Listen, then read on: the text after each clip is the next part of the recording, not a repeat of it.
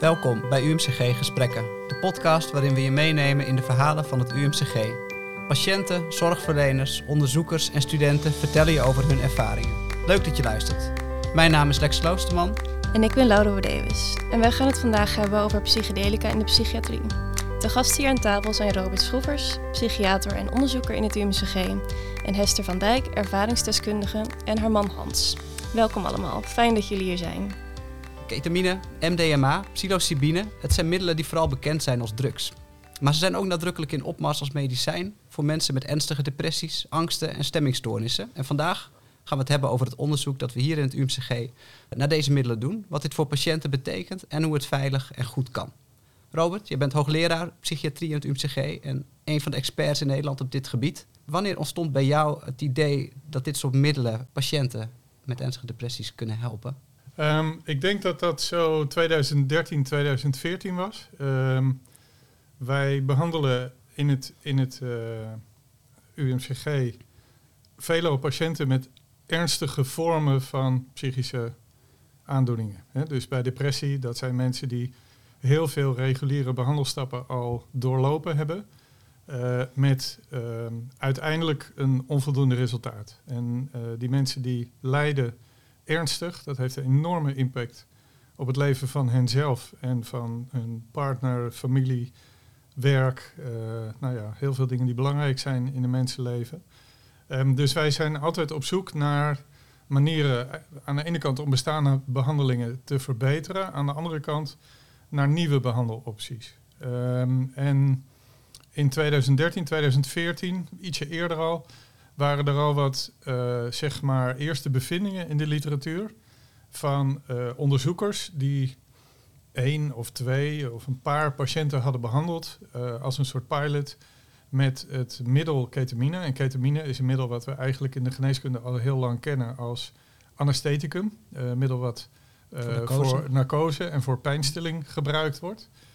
Middel wat overigens nog steeds in de zorg veel gebruikt wordt. Um, alleen wat was nou nieuw daaraan? Dat men zich was gaan realiseren dat het um, ook een sterk effect op de stemming zou kunnen hebben. Um, en uh, dat vonden wij zo interessant dat we daar eerst heel mondjesmaat en langzamerhand meer onderzoek mee zijn gaan doen.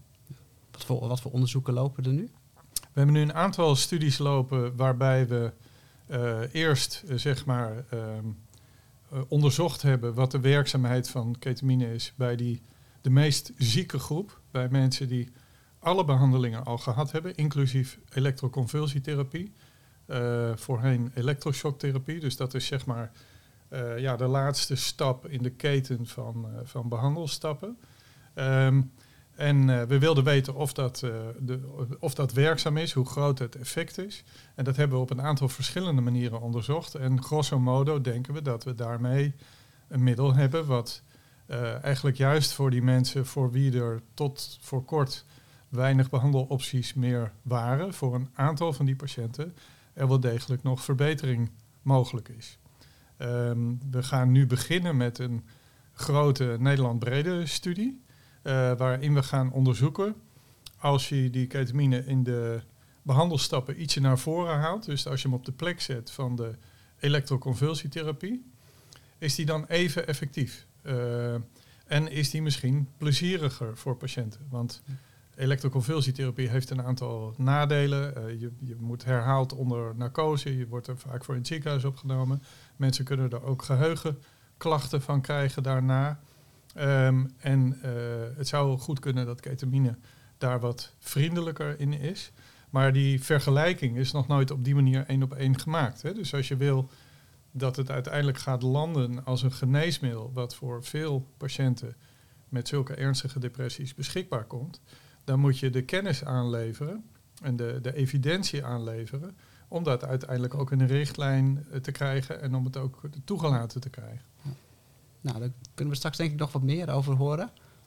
Hester, jij zit hier vandaag natuurlijk als ervaringsdeskundige, dus jij hebt meegedaan in een van deze studies. Kun je eens vertellen hoe ben je tot de keuze gekomen om hier mee te doen? Um, ik was uh, in, in, nou ja, een behandeling en het woord esketamine werd wel eens genoemd, maar ik was daar bang van. En toen dacht ik van, ja, wil ik dat wel? En het was eigenlijk uh, de laatste optie die ik had. En aan, naar aanleiding van een, uh, een krantenbericht werd dat beschreven. En toen dacht ik, toen hadden we het samen erover, ik en mijn man, van uh, ja, waarom proberen we het niet? Wat hebben we te verliezen? En zodoende ben ik naar het UMCG, waar ik al wel onder behandeling was, weer gekomen om aan de ketamine te beginnen. En toen begon je ermee. Hoe was jouw ervaring? Hoe ging dit in zijn werk? Ik heb zes weken lang, twee dagen per week, uh, kwam ik naar het ziekenhuis. En op een gegeven moment uh, begin je met een dosis. En dan ga ik, gaan ze kijken van hoe reageer je daarop. En dat is in die zes weken is dat zo opgebouwd totdat we op een, uh, een goede dosering zaten waar ik veel ja. de beste baat bij had. Precies, precies, ja. En na die zes weken, hoe ging het toen in zijn werk? Ga je daar dan mee door? daarna ben ik ermee doorgegaan. Um, maar wat ik daar nog even van wil vertellen over die zes weken, dat gaat echt onder begeleiding van een verpleegkundige en de psychiater natuurlijk. En mijn man is er ook uh, alle keren bij geweest. En uh, ja, toen ik die zes weken achter elkaar had gehad en ik had daar echt baat bij, dat er al werking was, dat er iets gebeurde, uh, zijn we daarmee naar huis gegaan. En nu gebruik ik het al vanaf juni vorig jaar twee keer in de week. Ja, staat hier ook een potje voor je op tafel, hè? Klein ja. flesje maar, ja. met vloeistof. Ja. Kun je vertellen, hoe, hoe, hoe gebruik je dat? Nou, dit haal ik één keer per 14 dagen op. Want het, lange houdbaar is dat nog niet. Daar zijn ze wel mee bezig. En dan, ja, dan neem ik dat mee naar huis. En ik heb twee vaste dagen in de week dat ik dat gebruik op, ma op maandag en donderdag. En uh, ik gebruik dan uh, 16,2 milliliter. En dat neem ik in. Je vertelde ook, hè, we, hadden, je eerder al, dat je ook je gaat liggen. Je, je maakt echt een rustig moment van muziek. Uh, ja. En, uh, het is een, uh, ik heb er een heel ritueel van gemaakt. Dat geeft me ook echt rust. Uh, op het moment dat ik mijn drankje inneem, ongeveer een 10 minuten kwartier, begint de werking dan net of je iets te veel gedronken hebt en je wordt wat, ja, ik, ik, lees altijd nog eventjes rustig in mijn stoel, dan gaan de lettertjes een beetje heen en weer. En dan weet ik van, nou, ik ga liggen en ik zorg dat ik er comfortabel bij lig met een lekker dekentje, oortjes in met klassieke muziek, wat mij heel erg ja, rustig en vertrouwd is. En dan wacht ik tot de ketamine gaat werken. En dat merk ik het eerste aan, meestal aan mijn lippen. Die gaan tintelen. Mijn neus lijkt soms van hout. Lijkt net of je masker op hebt. En ook heb ik heel regelmatig dat ik voor de helft koud word. Dan lijkt het net of je met je rug op een, op een ijsplaat ligt. Dat is maar voor de helft ben je dan echt heel koud. En dan laat ik eigenlijk gebeuren wat er gebeuren gaat. En de sessies die ik doe zijn nooit hetzelfde. Die zijn verschillend van elkaar. Ze kunnen heel heftig zijn en ze kunnen wat milder zijn. Ja, wat maakt het dan in je, in je los? Op het moment dat, dat dat dus gaat werken. Mijn man zit eigenlijk altijd naast me als, als thuishaven. Als, als er uh, iets is dat hij dan bij me in de buurt is. Ik, uh, als ik dan de ketamine heb ingenomen en ik lig, dan, nou ja, dan, dan wordt het, mijn neus meestal uh, stijf en hard. En ik krijg tinteling in mijn lippen. En dan uh, voel ik ook dat mijn lichaam kouder gaat worden voor de helft. En daarna, uh, dan is het verschillend. Ik kan er één voorbeeld van noemen, dat ik echt de diepte inga.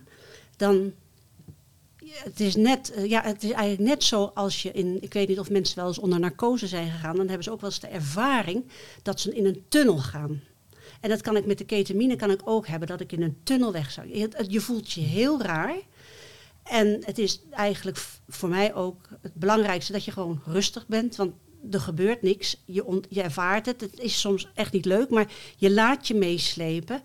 En dan komen er verschillende dingen die dan gebeuren.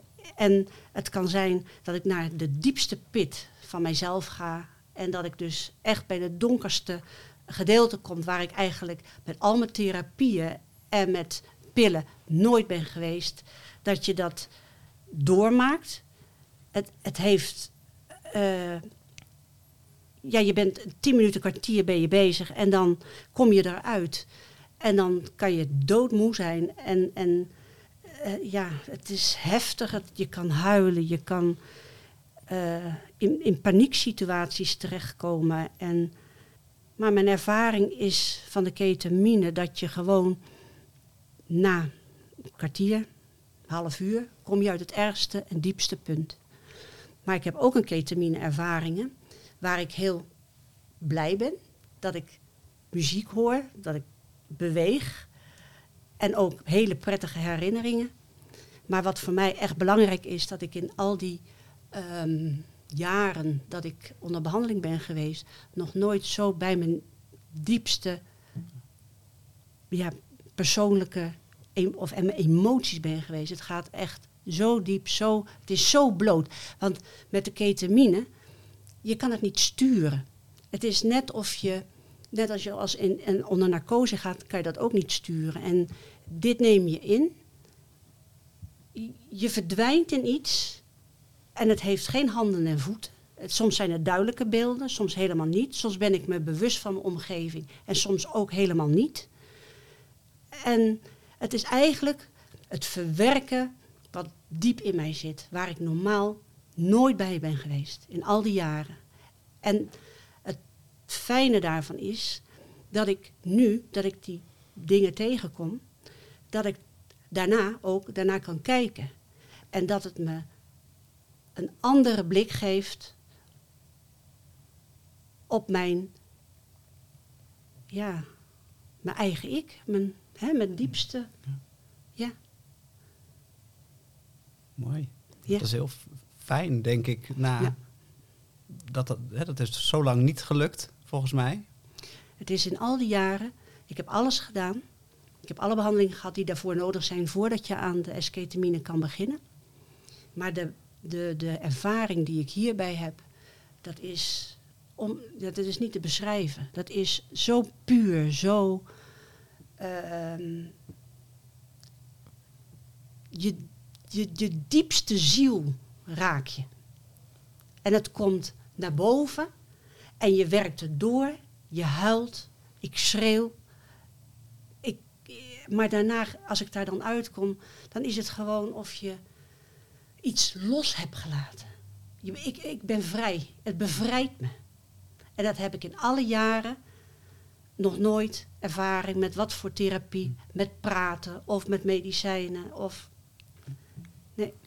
En Robert, als ik een bruggetje naar jou mag maken, zie je dit ook terug bij andere patiënten? Dat ze bij hun innerlijke gevoelens of kern, zoals jij het zo mooi beschrijft, komen? Of bepaalde muren misschien afbreken die stevig gemetseld zijn? Ja, Hester kan het heel mooi vertellen. En ehm, het interessante is dat dat voor iedereen ook weer anders is. Ehm, ik ben ook wel benieuwd om zo meteen misschien van jou nog te horen ehm, wat het verschil is op je stemming. Hoe je nu in het leven staat en hoe je was toen je depressief was. Want ehm, we zijn ook begonnen met, om het toe te passen puur als een antidepressivum. En dan wel een antidepressivum met een aantal andere eigenschappen dan wat we tot nu toe gebruikten. Ehm, en je ziet bij de mensen die er goed op reageren, dat het daar dus veel op die stemming, op de, gewoon op de depressieve kenmerken, piekeren, ehm, somber naar alles kijken, ehm, geen eetlust, geen plezier, geen initiatief, moeilijk kunnen slapen, dood willen. Ehm, depressie is een heel, heel ingrijpend beeld. En we zien dat het daar bij de mensen bij wie het aanslaat heel veel verlichting in brengt. Maar dan, als je dan gaat nadenken over het werkingsmechanisme, dan komen daar eigenlijk steeds meer achter dat het ehm, en, en de menselijke, er wordt altijd een soort dichotomie, er wordt altijd een soort tweedeling gemaakt tu- tussen lichaam en geest. Dat is natuurlijk, die is er helemaal niet. Het is één lichaam waar ook de geest in zetelt. En eh, het brein ehm, genereert, eh, of het, het brein is uiteindelijk de plek waar allerlei dingen samenkomen. Ehm, maar je kan dus kijken naar wat doet het uh, als je heel, uh, heel erg neurobiologisch kijkt. Dan kan je zien dat bepaalde hersencircuits die bij depressie minder actief zijn, dat die weer worden geactiveerd. Dat er, um, dat heet de neuroplasticiteit van het brein, dat dat wordt aangezet. Dus dat uh, hersencellen weer veel actiever nieuwe verbindingen maken. Uh, die eigenlijk een beetje uitgedoofd waren in de tijd dat je depressief was. Nou, dan kunnen eventueel kan ik daar nog meer over vertellen. Um, daarnaast zie je dat mensen, want hoe beleef je dat nou? Waar komt zo'n depressie vandaan? En wat zijn de dingen die voor mensen in hun verhaal relevant zijn? Dat zijn dingen die ze hebben meegemaakt, of dingen waar ze mee worstelen, of dingen waar ze zich voor schamen, of waar ze angstig voor zijn, of dingen die heel traumatisch geweest zijn. En dan kom je bij de meer eigenlijk psychologische verwerking van die dingen. En in een psychiatrische behandeling gaan die eigenlijk altijd hand in hand. Het gaat en over het verhaal van jou als mens, jou als patiënt, die worstelt met een aantal thema's. Nou, daar, daar werken we aan in psychotherapie, hè, dus om dat verhaal op een rijtje te zetten. Of, en er zijn een hele, hele scala aan verschillende psychotherapie, tot en met traumatherapieën, waarin je eigenlijk die traumatische gebeurtenissen weer gaat herbeleven. Uh, en we werken daar ook aan door op een biologische manier te proberen dat, uh, dat brein weer op een gezonde manier te activeren. Um, we kwamen van uh, de verwachting dat het puur een, als het ware, biologisch werkend antidepressivum was. En door uh, samen met mensen te kijken naar die ervaringen, zijn we ons steeds meer gaan realiseren dat het eigenlijk misschien ook een soort katalysator kan zijn van een psychotherapeutisch proces. En waarom is dat? Omdat het barrières die je in jezelf hebt om dingen niet onder ogen te durven zien, of om ze niet aan te gaan, of om. Je wil daarvan wegkijken, want het is naar, het is bedreigend, het is beschamend, het is allemaal heel erg voorstelbaar, maar daardoor blijft het maar zeuren en prikken en je lastigvallen en je wordt er wakker van, et cetera. En dus die barrières die worden tijdelijk eigenlijk geslecht. Dat maakt dat je in zo'n sessie, zoals je ook heel mooi vertelt, van alles kan tegenkomen. Uh, en we denken dat, dat het dus enorm belangrijk is om dat goed te begeleiden, om mensen daar goed op voor te bereiden. Dus het is echt anders dan een ander pilletje en ga maar even zitten en dan over een half uur dan, uh, dan kom ik weer langs. Dus we, we, nou, zijn wij gelukkig ook zo ingesteld dat we vinden dat het verhaal, hè, de, de psychotherapie, eigenlijk altijd belangrijk is in een behandeling. Maar um, je moet het dus ook in dat kader, moet je datgene wat je tegenkomt weer interpreteren. En dan kan je daar ook weer over praten met je psycholoog of je psychiater of je psychotherapeut. Om, eh, met je partner, eh, om, daar, om daar kaas van te maken, om dat te laten landen. En um, ja, wat ik heel fascinerend vind, is dat het daarmee eigenlijk uh, ook een soort, uh, ja, bijna een soort paradigmaverandering is in ons veld. Dat je, uh, dat je mensen helpt om vastzittende psychologische processen, om die los te maken en om weer andere perspectieven te gaan zien. Uh, en wat we hebben gemerkt is dat als je dat een keer doet, en of dat nou met uh, psilocybine of MDMA of ketamine is, ja, daar, daar, daar moeten, moeten we echt nog op studeren welk middel voor wat voor indicatie nou het beste is.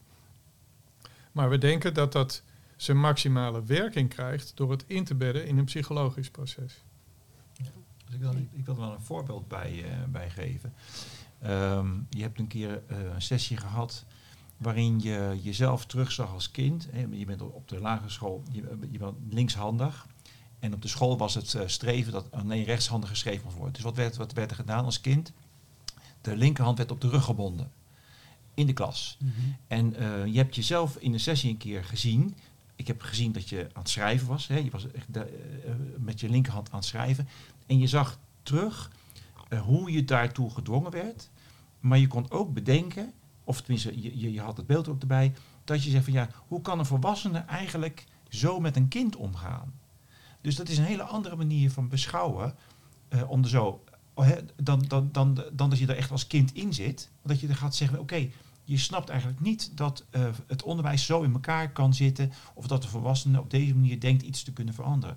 En dat gaf jou echt een stukje inzicht van hoe absurd het eigenlijk is wat je mee had gemaakt. En daarmee kon je het ook weer beter plaatsen. Je komt eigenlijk bij de reden waarom het je een Zo probleem raakt. voor je was. Ja, waarom het je raakt. Ja. Ik zie je veel knikken bij wat Robert net eh, eh, zei. Kan je nog ingaan op wat hij ook eh, aan je vroeg? Hoe het Ja, zeker. voor jou- Ja, het geeft echt. eh, nou, dat, dat, is ook een, iets wat ik, wat ik echt wel ook eens aan heb gegeven. Van, eh, ehm, om dit in, in therapiesessies ook te gebruiken. Eh, in, in, met een psycholoog, een psychiater. Of, omdat je dan. eh, Kijk, met praten, dan kan je heel boel eh, vertellen wat je wil. Maar dat is niet je gevoel. En ik kom heel moeilijk bij mijn gevoel. En door die ketamine komt dat juist los. En als je dit in een sessie zou hebben, dan zou dat inderdaad een gesprekstof zijn om daarop verder te gaan. Want dan, ja, het is zo moeilijk uit te leggen. Je, je kan dingen leren. Hè, van, eh, dan wordt het je geleerd van, nou, als je dat gebeurt, dan moet je dat doen. Maar dan ben je niet bij je gevoel. En met die ketamine kom je echt bij je diepste gevoel, wat je ook niet kan sturen. Dus dan zou dat een heel mooi middel zijn om daar dan op aan te haken en daar dan in verder te gaan met de, met de patiënt of cliënt. Ja. En wat weet je daar nu van, Robert? Van, bij- welke patiënten en hoeveel patiënten werkt dit dan? Wanneer gebruik je dan dit? En bij wie werkt het wel om het op andere manieren bij dat gevoel te komen? Ehm, ja, dat zijn belangrijke vragen waar ik helaas nog niet allemaal het antwoord op heb. Ehm, eh, wat, wat we nu zien als je kijkt naar het effect op depressie, dan is ehm, nou, 40, 45 procent van de patiënten die feitelijk uitbehandeld waren, ervaart toch zoveel positieve eh, verandering dat ze het zeer de moeite waard vinden om daarmee door te gaan. En eh, dat betekent niet dat mensen helemaal herstellen, maar wel dat het echt een, een significante verbetering geeft. Sommige mensen herstellen wel helemaal. Ehm, en dat is soms na hè, de, de gemiddelde duur van de depressie van de mensen die we hiermee behandeld hebben, die was vijf jaar. Mensen hadden uit mijn hoofd negen verschillende antidepressiva gebruikt. Mensen, 60% van deze mensen had eh, ECT eh, gehad. Eh, dus dat, is, dat, dat, ja, dat vinden wij nog steeds indrukwekkende eh, getallen. Ehm, dan heb je het als, dan zet je het in als middel voor hele ernstige depressie. Ehm, we doen ook meer onderzoek naar andere eh, zogenaamde psychedelica. Hè. We kunnen zo meteen misschien nog wel even praten, want je begon over drugs en eh, nou ja, hoe is dat nou dat raakvlak?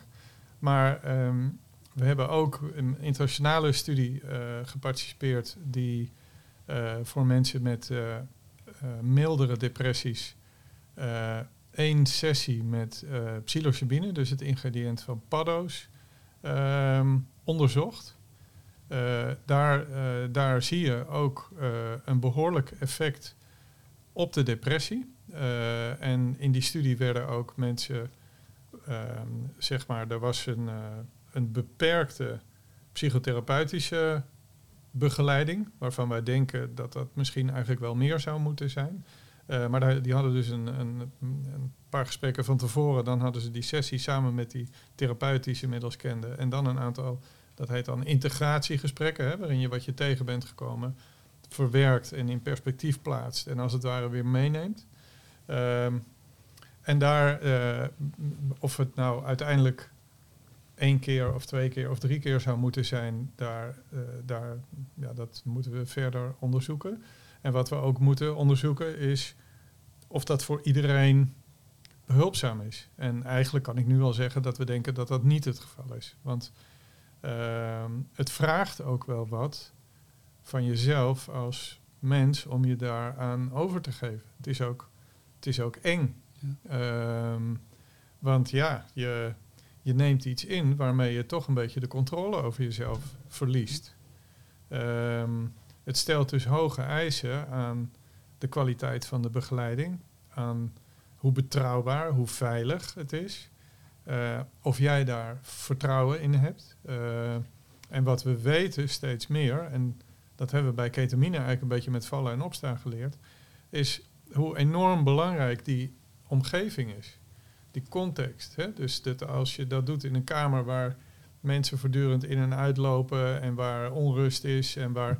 Uh, ja, dat komt allemaal heel hard door. Hè? Want je filters staan eigenlijk uit. Uh, dus dat betekent dat je heel sensitief bent voor signalen, zowel vanuit je eigen binnenwereld, en dat kunnen gedachten, herinneringen, herbelevingen zijn, maar ook van allerlei prikkels uit de omgeving. En Hester vertelt dat je, je hebt eigenlijk nou ja, zelf een soort manier ontwikkeld van bepaalde muziek opzetten, de, bel af, uh, rustig licht. Uh, want je wil daar niet uitgehaald worden, want dat is heel, heel onaangenaam. Ja. Ja. Maar het is ook de kunst dat je dat dus kan. Dat je daaraan overgeeft of voor open staat en het los kan laten, zoals je het omschrijft.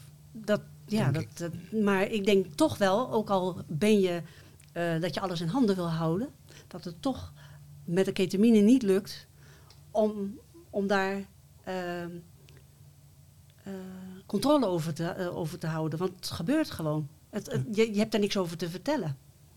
Dus ik denk toch ook wel dat mensen die controlebehoeftig zijn, er toch ergens in het stadium komen van ja. wat eng is. En, wat, wat, en dat is heel duidelijk om dat uit te leggen dat het wel eng kan zijn, maar dat je er ook gewoon weer uitkomt. Je komt eruit.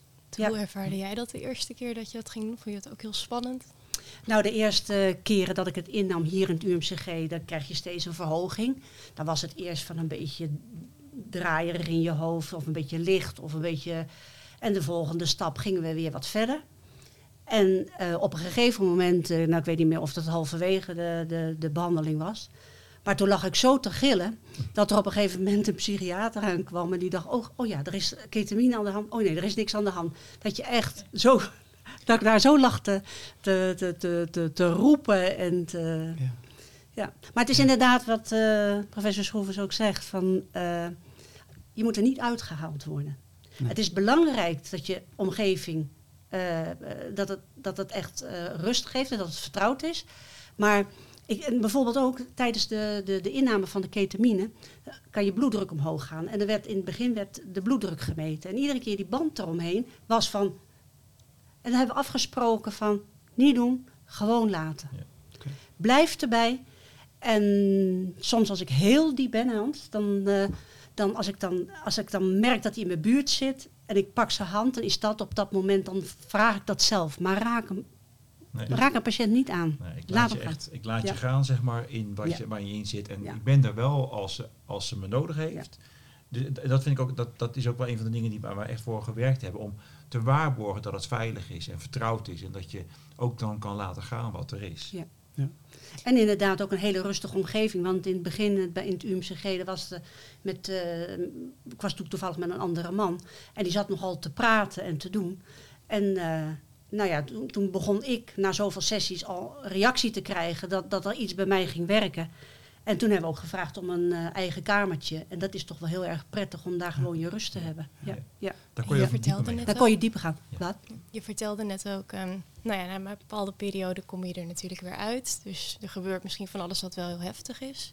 Hoe is dat daarna, na de behandeling? Ja, dat is ook verschillend. Uh, ik heb uh, soms wel eens dat ik uit de ketamine kom. Dat ik heel donker ben. Echt heel donker. Dan doe ik mijn ogen open en denk ik, oh jee, het is weer zover. En na een half uur, uur, anderhalf uur verdwijnt dat. En dan gaat het gewoon weg. En de periodes tussen de ketamine-innames, ja, voel ik me gewoon, kan ik, ben ik gelukkig, kan ik genieten van hele kleine dingen, van mijn honden, van mijn man, van mijn tekenen, van waar ik eerst echt totaal geen gevoel in had toen ik dat middel nog niet had. Ik zie je meteen glimlachen, Hans. Jullie zijn echt weer na ja. heel veel jaren, uh, nou ja, met de problemen die je hebt gehad, helpt dit jullie enorm volgens ja, mij. Het is, uh, wat, wat, wat ik heel uh, typerend vind als Hester depressief uh, was, dan kwamen we alle twee in een soort eigen bubbel terecht. Zij in haar donkere wereld en ik in de mijne, die dus niet donker is. En op het moment dat we met de ketamine de positieve effecten gingen merken, ja, verdween dat gewoon. Ik bedoel, eh, we, we, we werden weer één wereld. En je kan ook nou weer eh, verliefd naar me kijken. En, dat, en je, je voelt het ook. En ja, dat is gewoon een enorme verademing. Ik bedoel, En, en zeker als je bedenkt dat we 22 jaar onderweg zijn. En dat we dus nu, dit nu meemaken. Ja, voor ons is het ook een wereld van verschil. Ik bedoel, we gaan eh, overmorgen weer eh, met, op vakantie met z'n tweeën. En daar hebben we ook gewoon echt zin in om dat te doen. En we hebben, het ook, we hebben een weekje op de Schelling gehad, vier weken geleden. En voor volgend jaar weer geboekt. Ik bedoel, het is gewoon... Je ja, hebt weer je oude leven nou, het- het- het- ja, precies. terug. En wat, ook, wat ik toch ook wel wil zeggen, net zoals met medicatie, word je vaak afgestompt. En een heleboel dingen gaan weg ook. Je depressie wordt ook wel minder. Maar net Mhm. zoals bijvoorbeeld over verliefd zijn, eh, je, je libido neemt af. Je, nou ja, je, je, hebt gewoon, je leeft gewoon als broer en zus naast elkaar. En als ik nu merk met de ketamine, hoe ik me nu weer voel. En dat je weer je gezellig kan voelen en dat je ook daar weer van kan genieten. Dat is heel bijzonder. Ja. dat is echt heel bijzonder. Ja, Mooi. ja. Robert, misschien tot slot. We hadden het net al even over de risico's. Ehm, het is een belangrijk punt volgens mij wat je ook wil, eh, wil onderstrepen. Eh, het, gebruik hiervan binnen het onderzoek, de risico's en het, het veilig doen. Ja, ehm, ehm, deze middelen die. ketamine heeft een andere route gelopen, hè, omdat dat eigenlijk via, de, via de, de anesthesiologie, dus vanuit de geneeskunde, kwam. Maar ook, eh, daar is ook een heel eh, gebruikers- en party-circuit van. In sommige landen is daar ook een behoorlijk hoog verslavingsprobleem met ketamine. Eh, andere middelen die komen meer uit de, ja, hoe moet je dat noemen? De, de scene, de ayahuasca ceremonies, de, de paddo, de paddo trips, et cetera. Dus er is een hele wereld eh, die, die we eigenlijk al uit ehm, nou, de 60 en 70 jaren van de vorige eeuw uitgebreid kennen. Dat is toen een tijd op de achtergrond geweest. ehm, door een heel scala aan fact- factoren. Hè. De, de, War on drugs. de war on drugs wordt altijd genoemd. Hè? Dus eh, de, het, het raakt een beetje vermengd met de anti-Vietnam-protesten, wordt altijd gezegd. En eh, daar had Nixon op een gegeven moment geen zin meer in. En toen, toen moest dat maar afgelopen zijn. Dus er was een soort politieke hetze die daartegen ontstond. Maar er waren ook wel incidenten. eh, en, en er was ook een soort, ja, in mijn ogen soms naïef geloof over dat de wereld totaal anders zou zijn als iedereen maar elke dag eh, een beetje LSD eh, zou innemen. Ehm, en ja, dat, dat mensen daar enthousiast over zijn, dat, dat is prima. Maar als je in het hier en nu onderzoek daarmee wilt doen, dan moet je eh, je eigenlijk proberen los te maken van de hype die er omheen zit. Ehm, dan moet je ook realiseren dat er een heel circuit is waarin wat er in de wetenschap gebeurt ook met belangstelling wordt gevolgd. Ehm, en je wil niet, eh, zonder dat je daar goed onderzoek naar doet, een soort enorm positief verhaal de wereld inslingeren. Want er zijn heel veel dingen die we nog niet weten. Hè? Bedoel, Wat is dan het grootste gevaar volgens jou? nou, kijk, je, je, je, ehm, er is een risico van afhankelijkheid bij sommige middelen. Eh, we hebben net besproken dat die context waarin je dingen inneemt heel belangrijk is. Eh, be- be- wat ik ook nog zou kunnen vertellen is dat be- er gewoon bepaalde patiënten zijn voor wie dit ook zo heftig kan zijn dat het misschien wel contraproductief is.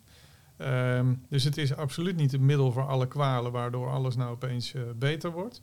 Ehm, en er, eh, het, is, het zijn ook middelen die traditioneel in een heel andere scene worden gebruikt en eh, veelal niet door mensen met ernstige psychische stoornissen, zoals waar wij dat voor onderzoeken, maar meer mensen die op zoek zijn nou, naar iets nieuws in hun leven of die iets, iets, iets eh, grensverleggends willen meemaken. Maar ook wel in praktijken of praktijkjes waar, ja, eh, wat zijn de kwalificaties van die mensen? Op het moment dat ze zich met echte patiënten zouden bezighouden, dan kan je ze daarop aanspreken. Hoe verantwoord is dat allemaal? Ehm, en je hebt maar een paar incidenten nodig. eh, los van de ellende die dat voor, voor die personen kan opleveren. Maar om ook zo'n hele ontwikkeling weer onmogelijk te maken. Dus het is voor ons echt een beetje laveren tussen uh, nou, enerzijds het delen van positieve ervaringen daarmee, anderzijds toch ook steeds maar benadrukken dat we echt nog veel beter en uitgebreider onderzoek moeten doen om te, te kijken uh, wat ik, er zijn, ik kan zo nog iets zeggen over wat de grote vragen zijn, maar, maar voordat we weten bij welke patiënten, op welk moment in de behandeling, in welke behandelcontext, dat het beste kan worden gegeven en bij wie niet. En misschien dat wel, ik verwacht, want we zitten nu in een tijd waarin, uh, nou ja, um, bijna dagelijks wel in allerlei media hier iets over verschijnt. En er zijn heel veel studenten die er iets mee willen en er is een enorme, uh, uh, ja, heel veel positieve aandacht voor. Maar daar ben ik soms ook een beetje bezorgd over. Want je kan eigenlijk voorspellen. Nou, je kan voorspellen dat het niet zo mooi wordt als nu soms wordt geroepen. Uh, Want psychische stoornissen zijn hele taaie aandoeningen die heel complex zijn, die een enorme ook genetische loading hebben. Um, en het, het, het, zal echt niet zo zijn dat dat voor iedereen nu de panacee is.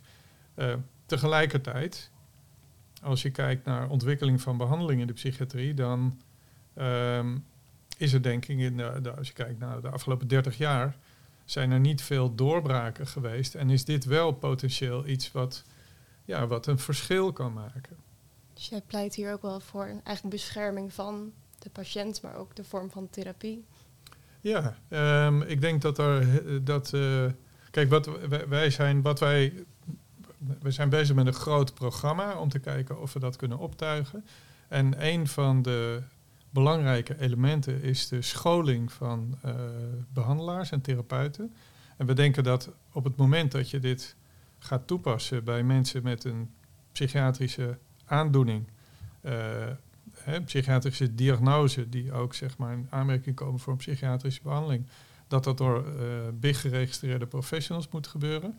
En dat het ook heel transparant en toetsbaar moet gebeuren. Want ik weet niet, als je een beetje googelt, er is een groot Amerikaans onderzoeksproject. Dat is het, uh, het MAPS-project. Dat, is, dat zijn behandelingen met MDMA bij patiënten met PTSS, posttraumatische stressstoornis. En daar zijn een aantal toch best ernstige schandalen van therapeuten die daar uit een soort, ja, hoe moet je dat noemen? Een combinatie van therapeutische overmoed en ook gewoon het niet respecteren van grenzen in het persoonlijk contact enorm over de schreef zijn gegaan. Hè? Dus uh, seksueel als grensoverschrijdend gedrag, mensen, mensen um, vanuit een soort idee van allemaal samen uh, in je eigen huishouding laten werken. Uh, bedoel, dus um, als je dit ongebreideld laat lopen, onder de believers. Uh, en ik weet zeker dat dat een opmerking is waar je kritiek op kan krijgen. Maar dus ik, ik, ben, ik respecteer het, het, het enthousiasme en de drive. En tegelijkertijd weten we binnen de psychiatrie, we hebben lang genoeg ervaring met nieuwe dingen die het dan die, die fantastisch lijken te zijn. En uh, waarbij je ook uh, gigantisch uit de bocht kan vliegen. En daar ben ik heel beducht voor. Dus ik denk dat we heel erg met onze voetjes op de grond moeten blijven staan.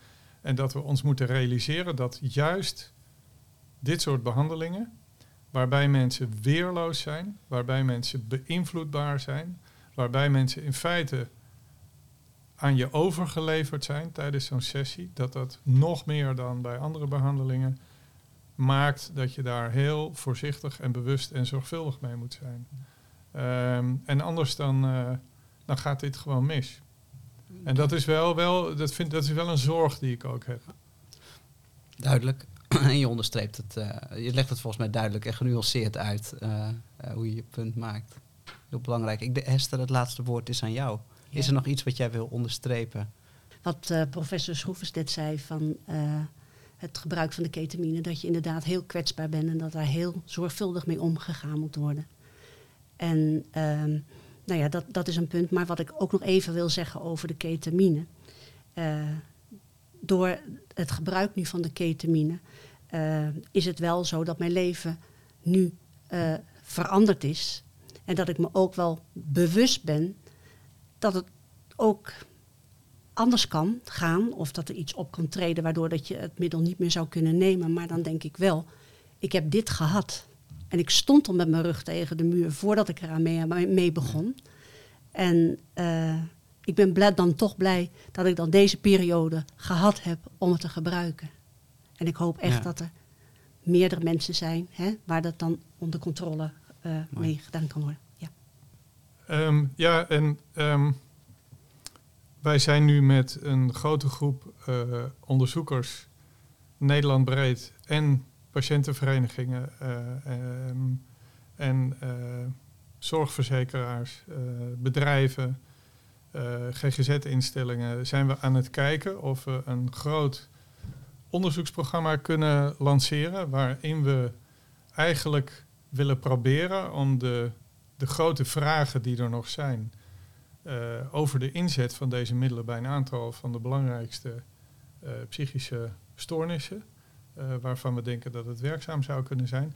En we willen eigenlijk een programma maken waarin we in de komende vijf jaar, maar dat is echt een heel omvangrijk project, met twintig instellingen een hele serie onderzoeken willen gaan doen om de grote vragen per stoornis te beantwoorden, zodat we daarna ook richting implementatie kunnen. Dus ervan uitgaand dat we weten bij welke mensen dat op welke manier het beste werkt, dat we het daarna ook in de behandeling uh, kunnen gaan implementeren op een verantwoorde manier. En we willen eigenlijk proberen om in die onderzoeksfase een versnelling te brengen, want nu is het zo dat nou ja, ik moet een hele tijd denken en dan een aanvraag doen en dan een studie doen. En dan ben je 7, 8, 10 jaar verder voordat je dat. En dat zijn dan, dat gebeurt op allerlei plekken, maar dat gebeurt eigenlijk niet als een soort gecoördineerde aanpak. En we zoeken financiering, we zoeken medewerking van een aantal grote partijen om te kijken of we dat gecoördineerd nou eens op een andere manier kunnen neerzetten, waardoor we denk ik uh, 20 jaar kunnen